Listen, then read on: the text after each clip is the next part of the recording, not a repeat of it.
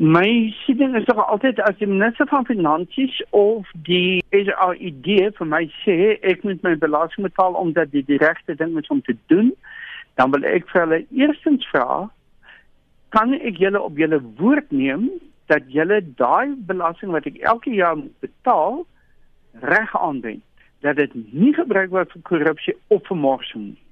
Want daar is mos twee kante van hierdie saak. Die een kant is ja, ek moet die belasting betaal wat ek moet betaal. Maar aan die ander kant is daar die verpligting op die staat om vir my te sê ons sal julle die rand wat julle aan ons betaal sorg dat die grootste persentasie van daai rand regtig nuttig aangewend word. Want anders sê jy en dit is my groot probleem wat ek net nou gesê dat ons besig met 'n proses waar ons al hoe meer uit die privaat individu se sak uit die maatskappy se sak uit wie ook al wat belasting betaal se sak uithaal en dan sit dit in die staatskoffers en ons is nie seker dat daai geld regtig produktief en reg aangewend word nie. So hier's twee kante van die saak. Eintlik moet die staat vir ons elke keer sê as jy jou belasting betaal, sal ons sorg dat ons dit reg aanwend. Want andersins elke keer as hulle hierdie boodskap het, hierdie advertensie het, dan sê ek ek glo julle nie. Skep die regering 'n omgewing waarin maatskappye kan uitbrei en floreer.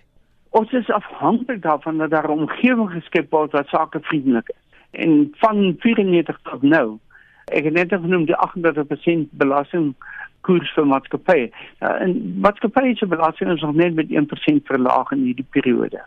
En daarom sê ek, jy weet, die staat die regte beleid fiskale beleid sê dit 94 tot nou gevolg om eintlik 'n sakevriendelike omgewing te skep al dan nie. Die die ander ding wat ons skille bekommer of my dan is ons praat nou die sentrale regering wat daai omgewing moet skep. Nee, dis ook die hele arbeidsbedeling, dis die hele kwessie van opleiding en onderwys.